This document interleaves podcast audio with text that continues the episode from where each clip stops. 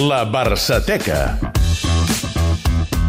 I avui a la Barçateca, Eudal Serra, bona tarda. Bona tarda. Parlem d'un gol eh, mític per tot, del qual es compleixen 32 anys.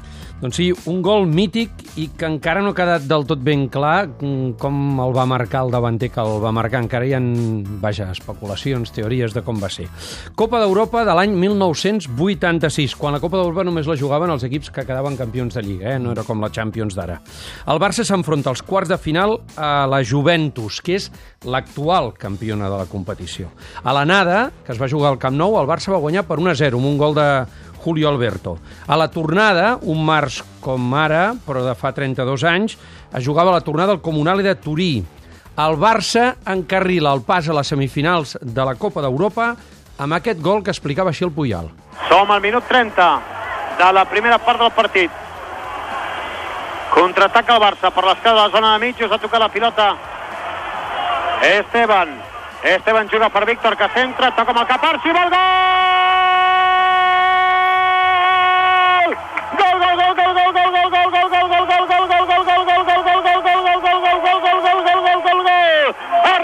Arxibol, Arxigol, Arxigol, Arxigol, Arxigol, Arxigol, Arxigol, Arxigol! Pilota centrada sobre el segon pal.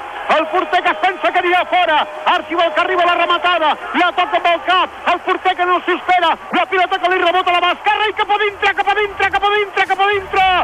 Que no s'ho esperava era el porter Taconi, perquè la pilota va anar molt llarga al segon pal, efectivament, i quan semblava que sortia, mm. Archibald, alguns diuen que amb el cap, altres diuen que amb l'orella, eh, tot, jo crec que queda molt bé això d'un gol amb l'orella i, a més a més, amb la mítica de la Copa d'Europa, tot i que la Sònia em mira d'una manera No, dient perquè- avui he vist el vídeo de la jugada És que, clar, i, i veient la per mi és redacció. amb el cap. A mi no? em sembla bastant clar que és amb el cap, però vaja, en tot cas... En tot és- cas, és un vídeo que demostra com elaborava el joc de toc aquell equip, eh?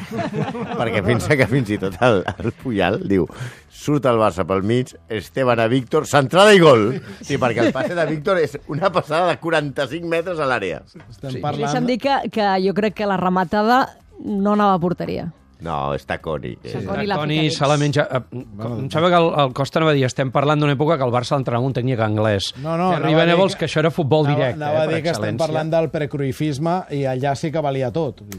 Un jugava d'una manera, el següent arribava d'una altra, el pressing, el Exacte. achique, Menotti, Venables... I Venables hi va funcionar un parell de temporades bé al Barça. Aquell dia, després la Juve va empatar amb un tal, no sé si us sonarà, Michel Platini. Una mica. Al minut 43. I amb però. Eh, eh, sí. Pachone. Pachone, i també jugava a l'Audrup, un l'Audrup molt jove, que al cap de poc després va anar al Barça. Pachone va fallar sis, 60 gols aquell dia. No, però em va fallar tants que al final el marcador no es va moure, com diu el Santi, i van quedar 1 a 1. El Barça es va classificar. Feia 11 anys que el Barça no arribava a una semifinal de la Copa d'Europa. Eh, doncs bé, això us dona una mesura de com estaven les coses aquí. Per exemple, a Catalunya Ràdio es va fer un programa especial per aquella classificació per les semifinals. I què es va fer? Doncs unitat mòbil cap a l'aeroport del Prat a rebre el xàrter del Barça que arribava de matinada, com Déu mana. quina gana passava. 3 de la matinada, quarts de 4, imagina't, la, la gana que es passava, efectiu. I en aquella època deixaven entrar les mòbils i els micròfons autònoms a dins de la duana, és a dir, on els de l'expedició esperaven les maletes, imagineu-vos. I qui va anar-hi, doncs, a Catalunya Ràdio? El mític Jaume Boix, que el que va fer és abordar a Steve Archibald, el gran heroi de la nit. Continuem recollint més opinions a la zona de la duana de l'aeroport de Barcelona i un dels jugadors, Archi, Archi, Archi, Archigol, enhorabona.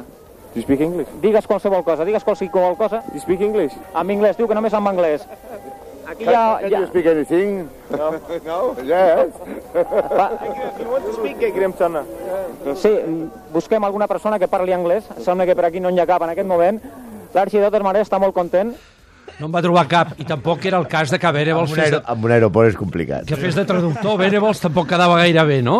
Per tant, llavors, el Jaume, que això sí que ho té, és insistent i persistent, eh, com els bons periodistes, ja que Archibald no va voler dir qualsevol cosa, se'n va anar a la recerca de Terry Venables i Josep Lluís Núñez. Intentem també atensar els micròfons a dos dels protagonistes, el senyor Josep Lluís Núñez, president del Barça, i el senyor Terry Benevols. Eh, buenas noches, señor Benevols. Buenas noches.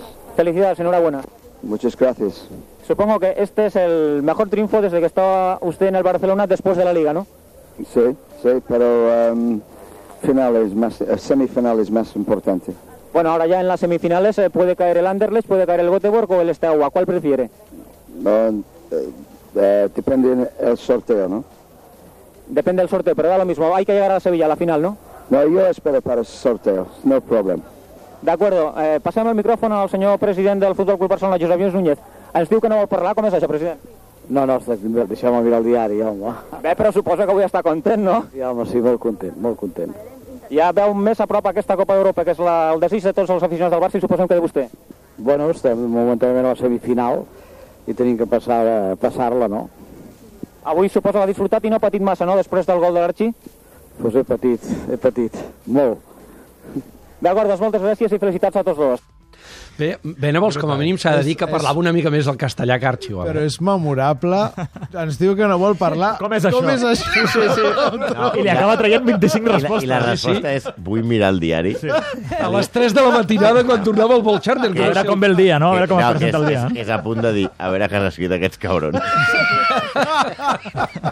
Bé, Perquè deixeu-me dir encara que, diran que no, és, que no és mèrit meu arribar aquí. que Jaume Bosch aquell dia no només va entrevistar, va entrevistar Julio Alberto, va entrevistar Calderé, és a dir, no em va deixar ni un com a bon periodista, però fixeu-vos com eren els temps que podien entrar els micròfons autònoms a, les, a dins de l'aeroport quan arribaven els jugadors. Increïble. Bé, el Barça va arribar a la final d'aquella Copa d'Europa, va eliminar el Göteborg a semifinals, i la final es va jugar a Sevilla i em fa l'efecte que No no, cal, cal, no que en cal. parlem No, no, més, no? Deixem estar-ho. No, això La se'n Barça- recorda el, el Benevols, perdona, perquè jo vaig parlar amb el Benevols no fa masses anys a, a Londres, em va dir, diu, quan vam passar a semifinals, diu, que eren les 3 del matí, això, Eudal? Sí, més o menys. Diu, hi havia un programa de ràdio fent-nos entrevistes en directe. o sigui, el pobre home encara flipa sí, sí. que hi hagués Clar, el, clar, el si van Boix jugar allà. quarts de nou a Turí, imagina't, el partit devia acabar quarts d'onze entre una cosa i l'altra, l'avió no devia sortir de Turí fins a la una de la matinada anant de pressa. Sí, sí, sí. A les 3 aquí. La Barçateca d'avui, homenatge al gol que no va ser amb l'orella d'Archibald, a Venables, a Núñez, que deu continuar llegint el diari, però sobretot a l'únic, incomparable Jaume Bosch.